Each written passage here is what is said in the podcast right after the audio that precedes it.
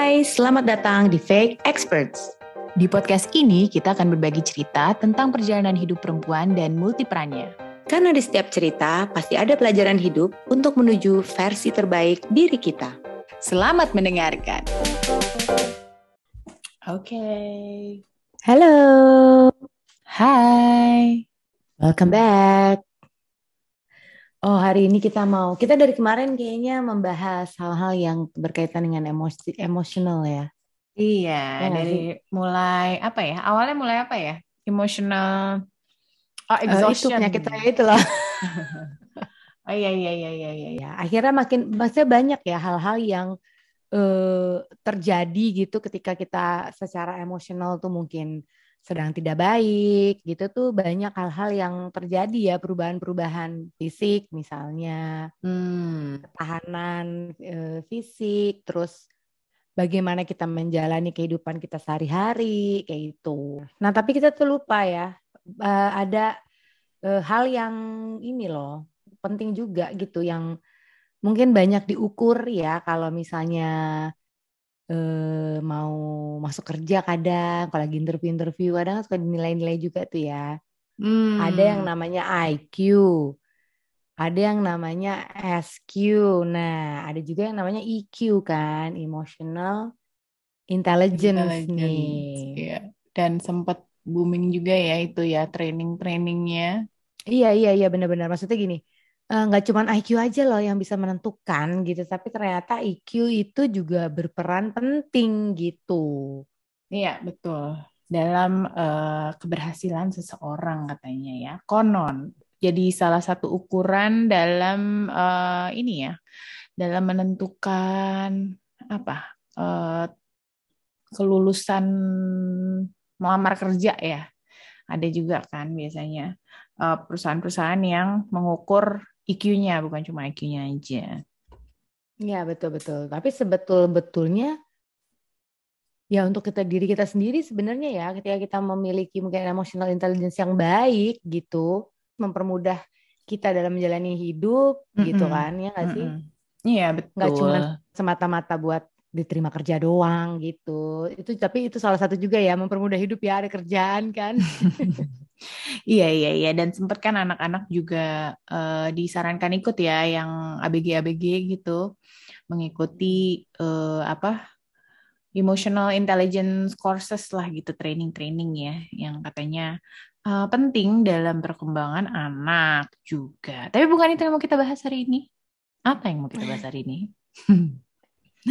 oh, tapi erat hubungannya. Ya. ya betul. Tapi mungkin ini kali dibuka dengan kayak apa sih emotional intelligence itu? Nah, hmm. ya hmm, Oke oke oke. Apa ya emotional intelligence? Kita lihat dulu.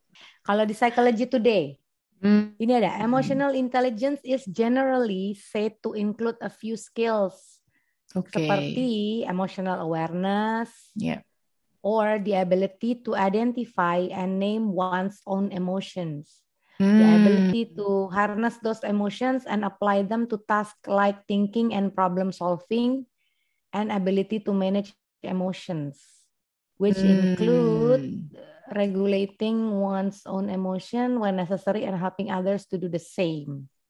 Jadi hmm. ini sebenarnya lebih ke kesadaran emosi ya, ya nggak sih, yang kita akhirnya tuh kemampuan kita untuk bisa mengidentifikasi uh, emosi apa sih ini, gitu ya nggak sih, kayak yang sedang kita alami itu apa sih dan kita bisa mengaplikasikannya ya ke dalam itu apa uh, pemikiran mm -mm. terus penyelesaian masalah gitu sama kemampuan untuk me memanage emosi kita.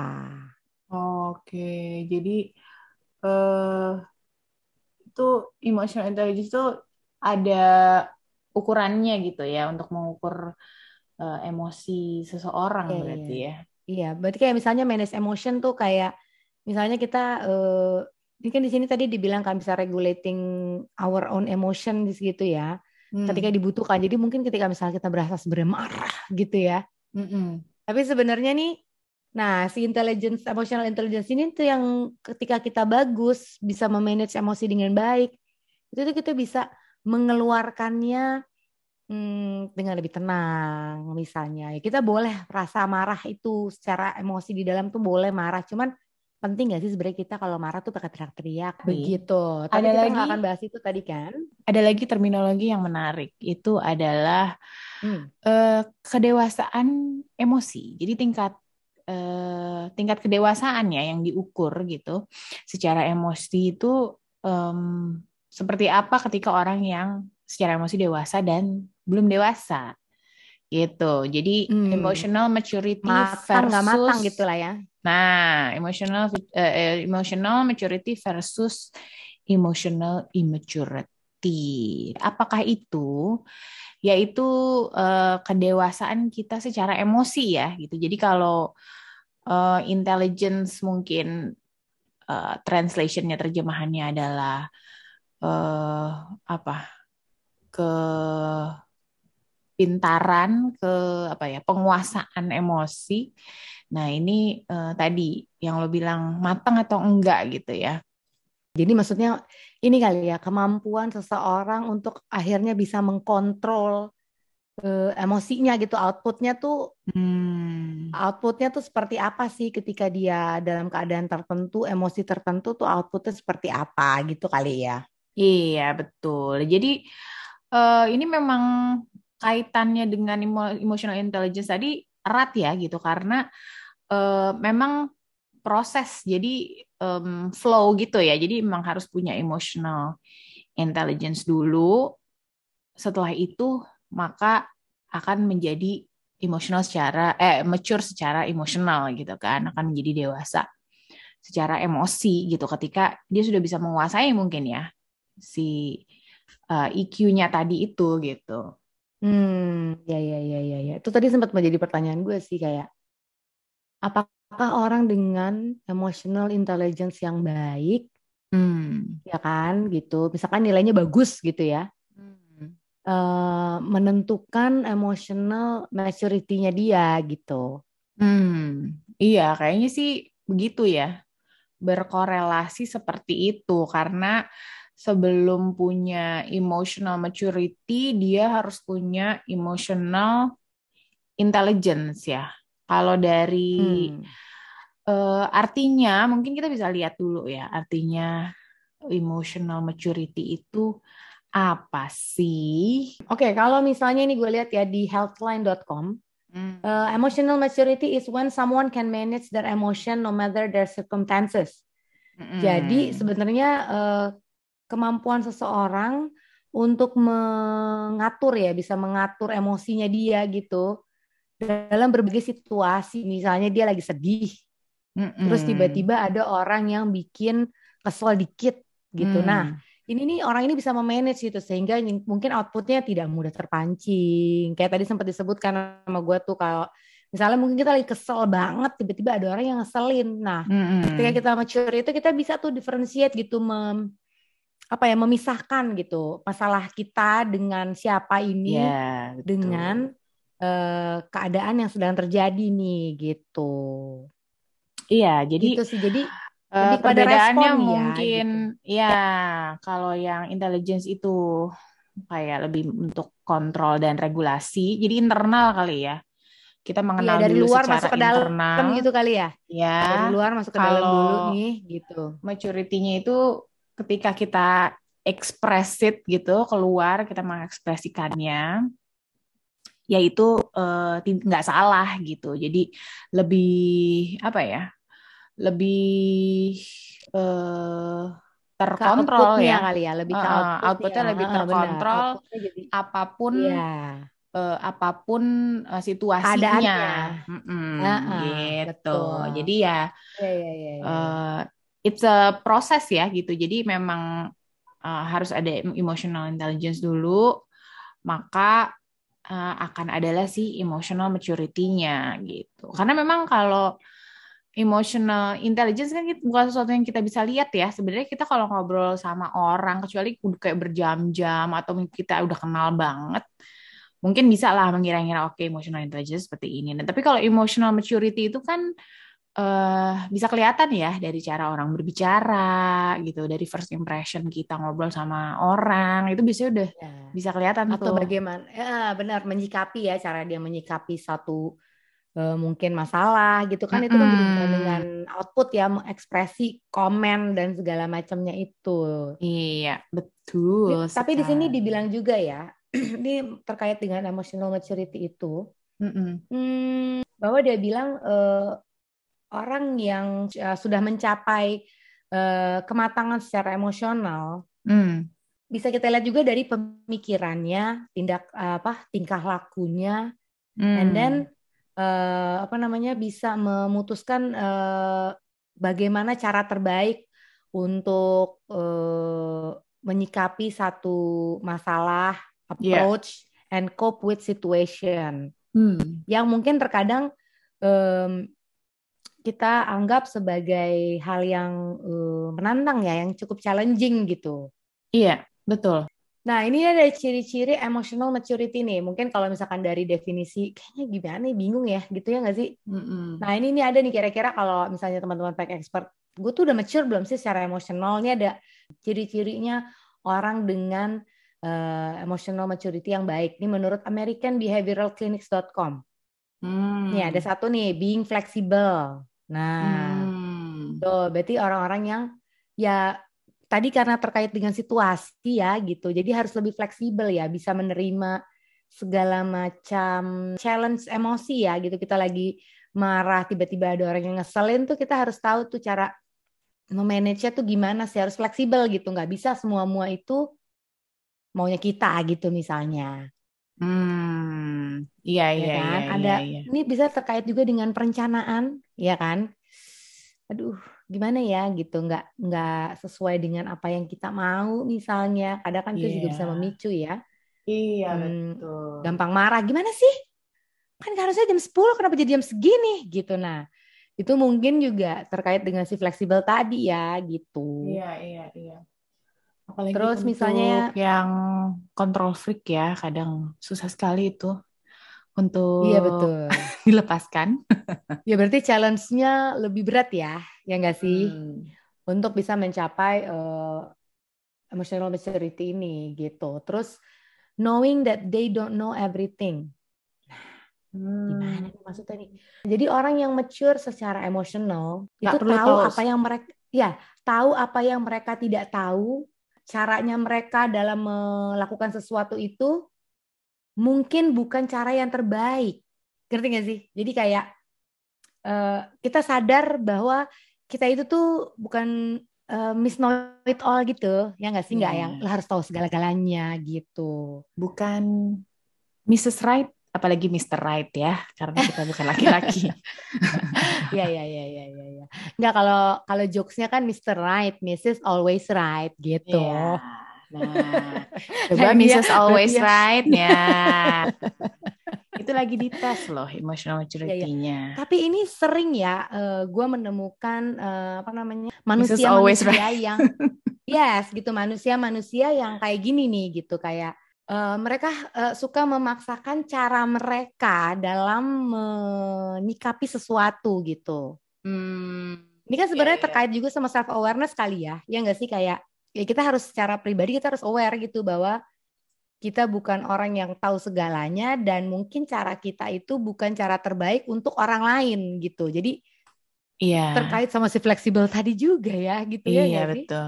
Kalau mungkin di film-film Hollywood tuh suka ada kata-kata ini loh. Kalau orang lagi berargumentasi dengan apa sin-sin yang mungkin dua-duanya ini uh, adalah orang-orang yang secara emosional mature gitu ya. Suka ada kalimat kayak agree to disagree gitu. Jadi hmm. kayak ya udah gue terima bahwa opini lo adalah seperti itu, tapi itu bukan cara gue, tapi I will respect it gitu kan. Jadi um, itu kali ya yang dibilang bahwa kita nggak perlu harus tahu semua yang ada di dunia ini juga gitu kan, ataupun cara yang terbaik menyelesaikan suatu masalah. Iya betul. Nah, terus ini juga ada taking ownership and responsibility. Jadi kalau orang-orang yang secara emotionally ini mature gitu ya, hmm. mereka itu mampu untuk uh, apa ya, uh, mengakui lah ya, mengakui mm -mm. kesalahan mereka yeah. gitu dan nggak nggak segera gitu, nggak langsung blaming others gitu, main nyalahin orang aja gitu bahwa gue benar, lu salah, itu nggak mm gitu gitu. Mereka misalnya gue memang salah ya udah uh, harus berani mengakui gue salah. Kalau susah Mungkin minta maaf juga... itu apakah uh, ego ya, ya, ya, ego ya, berbicara ya, ya. gitu kan. Susah minta maaf ya, itu ya, apa? Ya. Apakah dia berarti uh, kepribadiannya yang bermasalah atau memang belum mature secara emosi? Uh, mungkin Hmm, dua-duanya ya, tergantung ya. Ini mungkin kapasitas psikolog ya buat ngelihat ya. Kira-kira gimana nih ya uh, para psikolog, tolong dicek gitu ya. Yeah, uh, tapi betul. mungkin ada part dari uh, emotional immaturity ini kali ya. Maksudnya seberapa mature maksudnya kan orang bisa dengan legowo gitu tadi mungkin terkait dengan yang knowing bahwa kita nggak harus benar seutuhnya ya gitu kan yeah. kalau orang nggak mau maafkan kan berarti satu mungkin masih secara emotionally ya dia butuh memproses ya dong maksudnya untuk sampai ke level mature ini kan tadi kan dibilangnya bahwa expressionnya kan behaviornya hmm. tingkah lakunya tuh nggak langsung immediate gitu nggak ada sesuatu ya udah lo yang salah gitu kan pasti butuh di internalize nih kalau mature tuh pasti gitu ya kan nah ketika dia tidak akhirnya tidak bisa memaafkan sebenarnya ada dua kemungkinan nih gitu kayak dia nggak mau maafin orang lain itu atau sebetulnya dia tidak mampu memaafkan dirinya sendiri hmm. karena menurut gue setiap manusia pasti punya salah kan dan kita harus mau mengakui itu loh yang kadang memang sulit ya gitu. Iya iya iya sebenarnya banyak ya kayak uh, faktornya mungkin banyak ada kayak faktor uh, culture juga gitu kan atau upbringing yang memang misalnya dia nggak pernah punya contoh cara meminta maaf gitu. Iya berarti gak. dia secara emosional tidak terlatih gitu. Iya. Karena ya, ini ya, berkaitan ya. dengan yang berikutnya nih. Hmm. Ciri-cirinya adalah ini orang-orang yang emotionally mature ini gitu, mereka hmm. itu mencari apa ya? Uh, dalam satu mereka itu mencari uh, pembelajaran hmm. Uh, growth gitu. Jadi uh, dari setiap kesempatan yang ada gitu. Jadi misalnya dalam situasi buruk, dalam misalnya tadi terkait dengan yang barusan yang bahwa mau mengakui kesalahannya Nah, hmm. ketika orang mau mengakui kesalahannya itu pasti kan dia ada proses belajar hmm. di situ kan. Hmm. Dan keinginan yang akhirnya untuk gue untuk bertumbuh. Hmm. Jadi orang-orang yang mature itu selalu melihat segala situasi itu adalah pembelajaran dan proses kita untuk bertumbuh gitu. Jadi apa pun situasinya, baik, buruk, eh, nyebelin situasinya atau apa pun itu pasti ada kalau mungkin bahasanya itu yang sering dipakai hikmahnya ada gitu ya. Hmm. Orang-orang yang uh, emotionally mature ini itu bisa mengambil hikmah dari segala uh, perjalanan hidup, kesempatan, situasi yang ada. Ini menarik yeah. ya. Kesempatan untuk refleksi diri mungkin ya. Nah, uh, iya iya iya. Introspeksi. Itu tadi terkait dengan yang ownership tadi ya, taking ownership and responsibility ya, mau berkaca. Hmm. Hmm, hmm, ya. Nah, ini ada lagi nih. They actively seek out multiple points of view to help inform their own. Ah, ya. Nah ini, nah ini penting nih. Gue mera akan merasa sangat uh, terkesan ya atas uh, first impression seseorang gitu, misalnya ketika ngobrol itu ketika uh, orang tersebut bisa melihat berbagai macam perspektif dalam satu permasalahan. Nah itu tuh uh, juga sesuatu yang lagi gue coba untuk latih ya untuk diri sendiri. Iya. Karena hmm. it's so easy, so very easy untuk kayak asal ngomong aja gitu yang dari um, perspektif kita tanpa kita pikirin dulu nih gitu kayak sisi sisi-sisi lainnya atau versi-versi lainnya atau kayak dari view perspektif lainnya gitu kan itu tuh uh, gampang banget gitu kan untuk iya, iya. terjerumus dalam Mung itu gitu.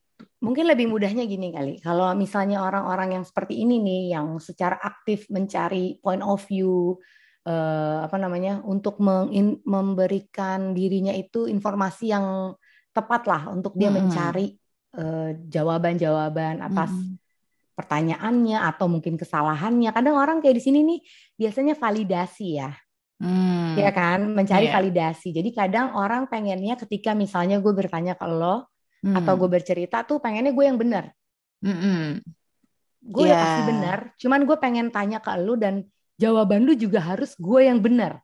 Hmm gitu. Nah, nah ini berbalik kan, dengan emotional immaturity ya. Jadi baliknya tuh it's all about me gitu ya. Jadi yeah. uh, I'm always right gitu kan. Pokoknya baliknya per permasalahannya apa pun itu selalu balik-baliknya ke gue gitu. Jadi misalnya pun kita lagi ngomongin masalah orang, ntar ada tuh kayak disambung-sambungin ke dirinya sendiri gitu kan kadang-kadang kayak iya, iya, iya, uh, iya. kayaknya tadi bukan ngomongin itu ya gitu kan Iya benar-benar. Karena kan tujuannya gitu ya. Kita mau cari point of view tapi pengennya jawabannya ya harus sama kayak jawaban gue gitu kan. Nah, ciri-cirinya adalah kalau orang yang uh, secara emotionally mature ini terkait hal ini ya gitu terkait hmm. poin ini itu mereka nggak merasa terancam dengan disagreement. Jadi kalau lo nggak setuju ya it's okay. Gue cuma cari point of view aja. Hmm, ya, ya, ya, ya, Nah, ya. seringnya kan mungkin sebaliknya yang tadi lo bilang bahwa kalau immature ya kadang jadi sebagai ancaman lah. Kalau nggak sama kayak gue, kayaknya lo nyalahin gue deh. Nah, mm-hmm. jadi itulah perbedaannya. Making it personal ya, segala macamnya dibikin uh, personal gitu kan. Iya iya iya. Ya mungkin tadi juga ya terkait dengan emotional intelligence tidak mampu untuk meregulasikan emosinya dengan baik gitu. Hmm, iya iya iya. They stay resilient nih poin berikutnya. Hmm. Itu kalau hmm. orang-orang yang mature secara emosional itu mereka mampu mengenali uh, perasaannya mereka sebetulnya gitu. Kita bisa mengidentifikasi apa sih gitu masalah gue tuh sebenarnya apa, perasaan gue tuh sebenarnya seperti apa. Jadi mereka juga bisa decide gitu langkah langkah-langkah untuk bisa move on. Jadi nggak stuck di situ aja gitu. Mereka bisa bertahan dengan emosi yang ada. Mereka mencoba uh, ketika mereka udah tahu nih, gue gue sedih oh gue kecewa. Hmm. Nah, mereka tuh bisa uh, mengidentify itu karena karena ketika kita tahu ya, oh gue kecewa gitu. Oke, jadi gue udah tahu supaya gue tidak kecewa gue harus seperti apa hmm. gitu. Kalau misalnya kadang kita cuma marah aja, tapi sebenarnya lo tuh bukan marah, lo tuh lebih ke kecewa sebetulnya. Jadi kita bisa memprosesnya dengan baik supaya kita bisa lebih cepat move on gitu. Iya, jadi kalau ada orang-orang yang uh, kita ajak ngomong terus kayak kok nggak jawab sih lama banget gitu. Kayak menurut lo gimana gitu.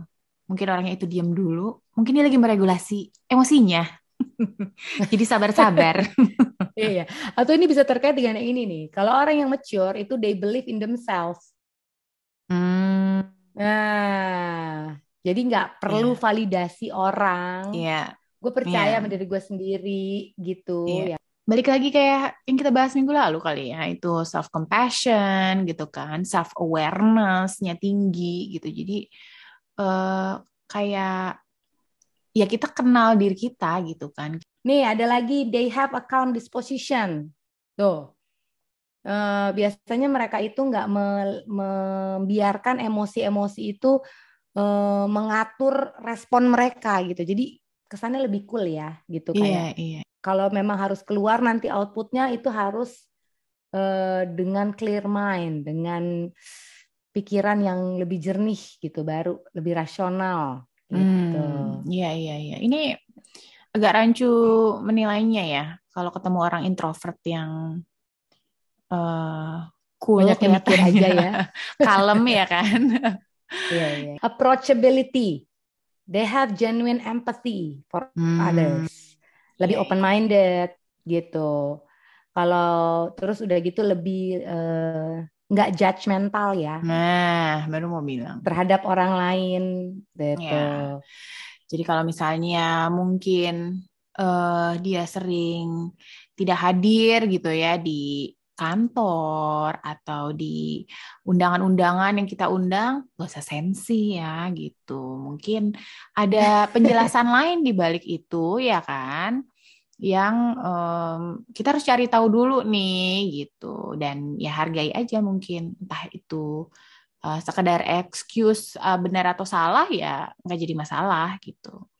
Kita uh, terima saja. Benar orang-orang yang approachability ini ya yang emotionally mature ini hmm. itu tuh mereka lebih memilih talk with people hmm. not not at them tuh jadi hmm. lebih apa ya lebih diskusi iya iya ya ya ini penting banget sih untuk nggak untuk nggak langsung jump into conclusion ya bahwa apalagi sekarang tuh banyak banget uh, ya dengan orang terkungkung di rumah gitu kan. Selama ini tuh banyak banget masalah-masalah lain yang kita juga nggak tahu gitu kan. Jadi hmm, dan itu iya, ke mana-mana yeah, yeah, kan ininya apa namanya impactnya itu. Kayak tadi uh, misalnya uh, jadi apa ya uh, ketemu orang tuh jadi males-malesan gitu kan. Kayak menyelesaikan pekerjaan tuh susah. Nah itu tuh kadang juga apalagi zaman sekarang tuh menurut gue bener harus ngobrol sih gitu mencari point of view dari si orang uh, tersebut gitu jangan sampai yeah, kita yeah, yeah. Uh, mengkonklusikan hal yang salah gitu dan dan malah merugikan orang lain kan gitu Iya betul. Uh, ini maksudnya mungkin ngobrol lebih ngobrol ke orang gitu ya. Misalkan mm -hmm. mungkin kalau kayak gini pasti pasti problem solving kan ya masalah. Yeah. Jadi mending kita diskusiin, kita obrolin gitu supaya kita tuh sama-sama sama tahu permasalahannya satu sama lain dan kita bisa me, apa ya uh, mendengarkan apa sih their truth gitu, kebenaran yang terjadi yeah. di balik itu tuh apa gitu. Dan jadi mencari jalan keluar bersama ya, enggak? Ya betul. Maksudnya iya benar. Akhirnya cari solusi yang memang win-win solution gitu kali ya. hmm, ya. Yeah. Nah ini nih ada yang lucu juga sini, a good sense of humor. Hmm. Gue sering menemukan sih kayak orang-orang zaman sekarang nih kadang sensi ya gitu. Iya iya iya. Uh, iya kan gitu kayak hmm, bercandain dikit nggak marah gitu misalnya hmm. atau tersinggung. Ini kan lagi banyak isu-isu ketersinggungan ya gitu. Yuk coba emotionally harus lebih mature. Iya, jadi uh, apa namanya bisa menertawakan diri sendiri juga ya. Mungkin itu a sign of emotional oh, ya, maturity level ya. ya. Mm -mm, gitu. Jadi ya, benar, benar, benar. Uh, ya udah gitu kayak don't take everything too seriously lah gitu kan. Betul sekali. Jadi kira-kira itulah ya ciri-ciri orang yang mature. Iya, nah, ini ideal sekali ya. Kita semuanya pasti ingin secara emosional mature ya kan. Ini gue ada satu artikel di helpline.com hmm. yang bilang bahwa uh, umur itu apakah ada uh, kaitannya dengan emotional maturity. Hmm. Intinya dari uh, research itu mereka bilang uh, yes and no. Jadi ada faktornya banyak sekali ya untuk uh, mempengaruhi level uh, kedewasaan seseorang secara emosi gitu. Jadi uh, biasanya anak-anak atau remaja-remaja yang memiliki pengalaman lebih luas gitu terekspos dengan berbagai macam apa orang, pengalaman, situasi gitu bisa menjadi salah satu ukuran maturity seseorang, bisa mempengaruhi hmm. maturity seseorang gitu ya. Nah, di riset lainnya me mengatakan bahwa uh, ini menarik sih konsumsi alkohol dan merokok di uh, teenagers ya di ABG hmm. atau di hmm. remaja itu akan uh, secara penge, apa perkembangan otak itu akan mempengaruhi uh, tingkat kedewasaan dia. Wah, ini cukup menarik ya karena iya iya iya iya iya ya. Oh ternyata ya, coba siapa teman-teman fake expert yang dari remaja sudah melakukan uh, hal-hal itu ya kan? Yeah. Coba dicek. Uh, sekarang mature apa enggak? Pantes ya gitu. Aduh, ya ya ya ya mudah marah ya kan. Mm -mm. Ternyata otaknya belum berkembang. Itu terhambat karena merokok ya kan. Iya ya, tapi kadang gue itu ini sih ya um, uh, ya mungkin ya harus agree to disagree ya gitu. Kadang mungkin hmm. gue sebenarnya agak nggak setuju gue gitu dengan pernyataan itu ya gitu. Karena gue lihat juga banyak orang-orang yang seperti itu. Tapi mungkin kalau gue lebih ke hmm, emotional maturity itu di di apa ya dapat dicapai gitu mungkin ya dengan pengalaman-pengalaman hidup sih menurut gue. Hmm. Yang tadi lo bilang gitu, seberapa banyak mereka terekspos dengan berbagai macam uh, situasi kondisi dalam hidup, Mm-mm. ya kan gitu, yeah. dan bagaimana akhirnya mereka bisa mencapai itu gitu, bahwa tahu bagaimana yeah. cara bersikap dan merespon segala macam uh, emosi yang bisa masuk ke dia dan apa yang harus mereka keluarkan gitu, responnya seperti apa.